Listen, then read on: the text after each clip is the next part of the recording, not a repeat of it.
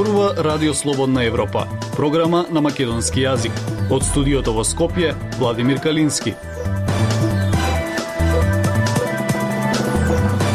Почитувани следите емисијата на Радио Слободна Европа. Војната во Украина ќе го намали предвидениот раст на економиите во Европа, очекувањата се тоа да се случи и во Македонија. Премиерот Ковачевски најави ребаланс на буџетот. Сведоштво на сестра на загинат руски војник во Украина, никој не знаеше дека ќе оди да се бори, вели таа. Македонија или Бугарија, која држава е повеќе поврзана историски во сегашноста со Русија? Слушајте не. Наши економски проблеми. Ние разговараме за решенија на Радио Слободна Европа. Економски експерти очекуваат на тамошен раст на инфлацијата и намалување на растот на бруто домашниот производ како резултат на војната во Украина. Дел од нив велат дека целата ситуација дополнително ќе влијае врз цените на храната со оглед на зголемувањето на цените на транспортот, но и поради тоа што Русија и Украина се големи производители на жито. Во меѓувреме, премиерот на Македонија Ковачевски најави ребаланс на буџетот. Економиите на Македонија и другите европски земји силно ќе ги почувствуваат последиците од војната во Украина, сметаат економски експерти од земјава. Според нив, реално е да се очекува на тамошен раст на инфлацијата, а од друга страна намалување на растот на бруто домашниот производ. Политичарите од земјава веќе порачаа дека кризата е голема и најавија можност за усвојување на нови мерки во зависност од развојот на состојбата во Украина. Владата деновиве донесе сет мерки од 400 милиони евра за помош на граѓаните граѓаните и компаниите. Усвоени се вкупно 26 мерки и препораки кои потоа ги изгласаа и пратениците во собранието. Растот на цената на струјата веќе влијае врз економиите во цела Европа, особено бидејќи голем дел од електричната енергија во Европската Унија се произведува од гасот кој доаѓа од Русија. Во Македонија, зголемувањето на цената на нафтата влијае врз растот на цените на многу производи. Ангел Димитров од Организацијата на работодавачи на Македонија вели дека целата ситуација дополнително ќе влијае врз цените на храната со оглед на зголемувањето на цените на транспортот, но и поради тоа што Русија и Украина се големи производители на жито но тој вели дека истовремено ќе биде многу важно колку војната во Украина ќе намали потрошувачката во земјите кои се најголеми трговски партнери на Македонија, како Германија, каде земјава најмногу извезува. Веќе има најави за автомобилската индустрија која има големи проблеми и кои одредени фабрики за автомобили затворија во Германија. Знаеме дека многу наши компании од тир зоната работат со одредени елементи за автоиндустријата кои ќе бидат погодени, а јас очекувам во идниот период дека тоа ќе се осети кај другиот наши извоз како што е текстилна индустрија, кожарска и така натаму. Вели Димитров. Потребно е стратешко планирање за да се ограничат штетите од кризата, вели економскиот аналитичар Арбен Халили, кој смета дека Македонија и другите земји во Европа ќе мораат да најдат дополнителни извори за набавка на енергенси. Од друга страна, секако дека обновливите извори на енергија тоа што нешто треба да се инвестира и да се фокусираме повеќе. Вели Халили, Димитров смета дека е известно оти владата владата ќе треба да донесе дополнителни мерки доколку кризата се одолжи, но упатува на прашањето колку буџетот е подготвен да ја поднесе ситуацијата и дали актуелните проблеми треба да се префрлат на идните генерации со оглед на веќе предвидените задолжувања на државата од 600 милиони евра. Оценките на министерот за финансии Бесими се дека во моментов буџетот е ликвиден и дека се прават анализи за негов ребаланс, кој би бил направен во одреден момент доколку тоа биде потребно. Во меѓувреме, премиерот Димитар Ковачевски најави ребаланс на буџетот. Инаку, поради турбуленциите во европските пазари поради војната во Украина, економистите во Европа предупредуваат дека кризата ќе го намали предвидениот раст на економиите. Слободна Европа. Следете на на Facebook, Twitter и YouTube. Ко-председателот на Македонско-бугарската комисија за историски и образовни прашања Ангел Димитров деновиве во колумна ги повика Европската унија и САД да не ја критикуваат само Бугарија, бидејќи Македонија можела да биде тројански коњ на Москва. Која држава е повеќе поврзана историски и во сегашноста со Русија, Македонија или Бугарија? Слушате во прилогот на Фросина Димеска. Ваквите тврдења на копредседателот на заедничката македонско-бугарска комисија за историски образовни прашања Ангел Димитров изнесени за бугарскиот портал БГНС доаѓаат во период на руската инвазија врз Украина, која ги обедини сите западни земји против Москва. Историчарот Димитар Љоровски од Институтот за национална историја вели дека оваа анализа на Димитров единствено води кон актуализација на историјата поврзана со моменталните случувања во Украина, за да се стекнат подобри позиции за Бугарија пред европските и западните сојузници. Тој гледа нелогични работи од историска гледна точка, поврзани со Македонија и со Русија. Време период за време на индиското восстание или потоа. Најчесто подводи македонското днес, за секој да британската политика на Балкан. Додека во текот на Втората светска војна, што војни мисии, Потом беше најголема соработката помеѓу англиските и американските воени мисии со македонското партизанско движење. Инаку во својот долг текст Димитров историски ја поврзува Македонија со Сталин, Тито и српските интереси, наведувајќи дека ова е држава која е генетски поврзана со Србија и со Русија. Москва нема ништо против евроинтеграциите на Белград и Скопје, бидејќи со оглед на нивното политичко наследство, тие ќе бидат толку потребните тројански коњи во Европската унија, напиша Димитров.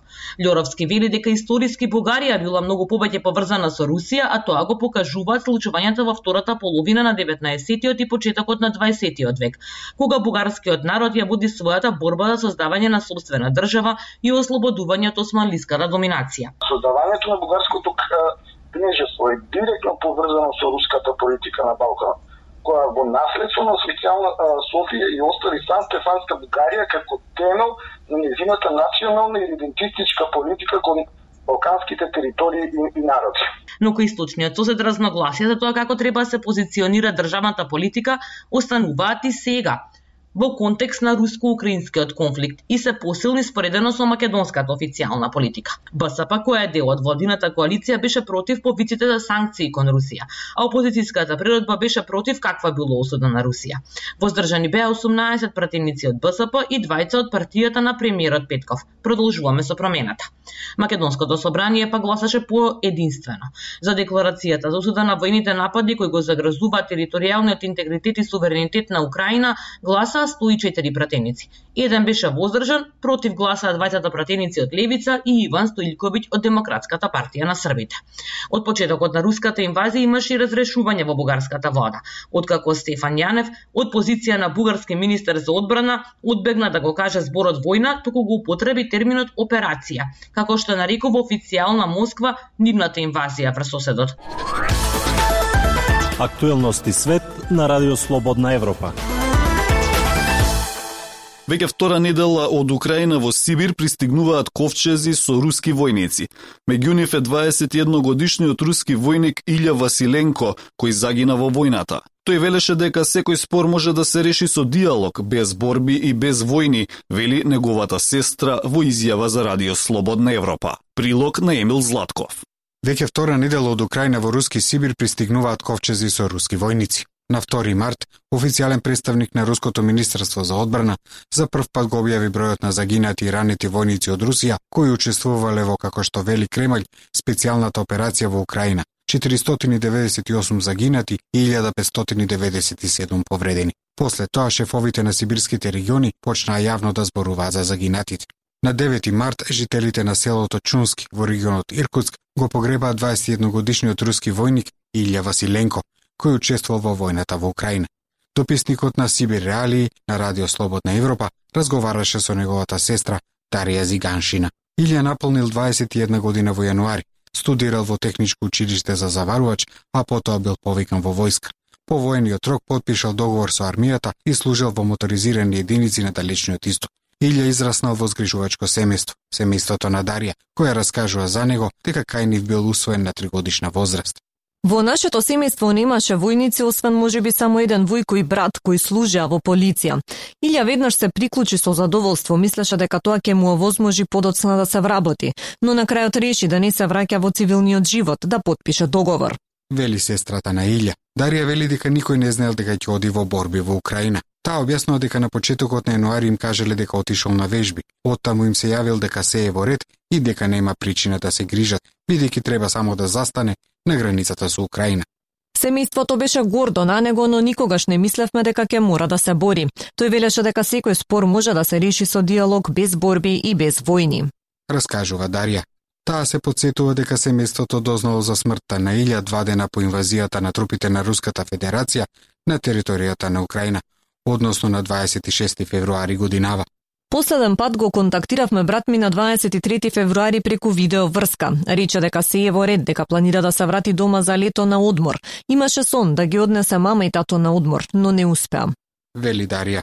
Од редакцијата на Сиби Реали не успеали да разговараат со родителите посвоители на Илја. Рускиот председател Владимир Путин објави дека семејствата на загинатите војници во Украина ќе добијат исплати за осигурување во износ од повеќе од 7 милиони рубли. Но Дарија вели дека тие пари не можат да и го вратат братот.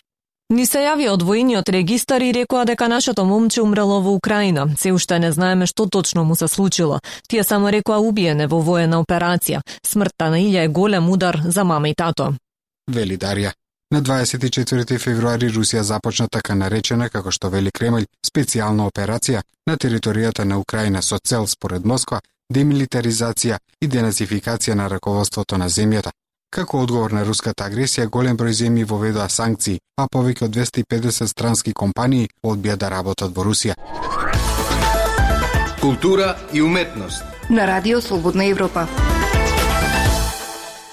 со селекција на дела од македонските творци кои живееле и работеле во француската метропола меѓу двете светски војни, од 18 март во Национална галерија во објектот Чифте Амам ке се одвива изложбата Париски рефлексии. Поставката е дел од одбележувањето на меѓународниот ден на франкофонијата.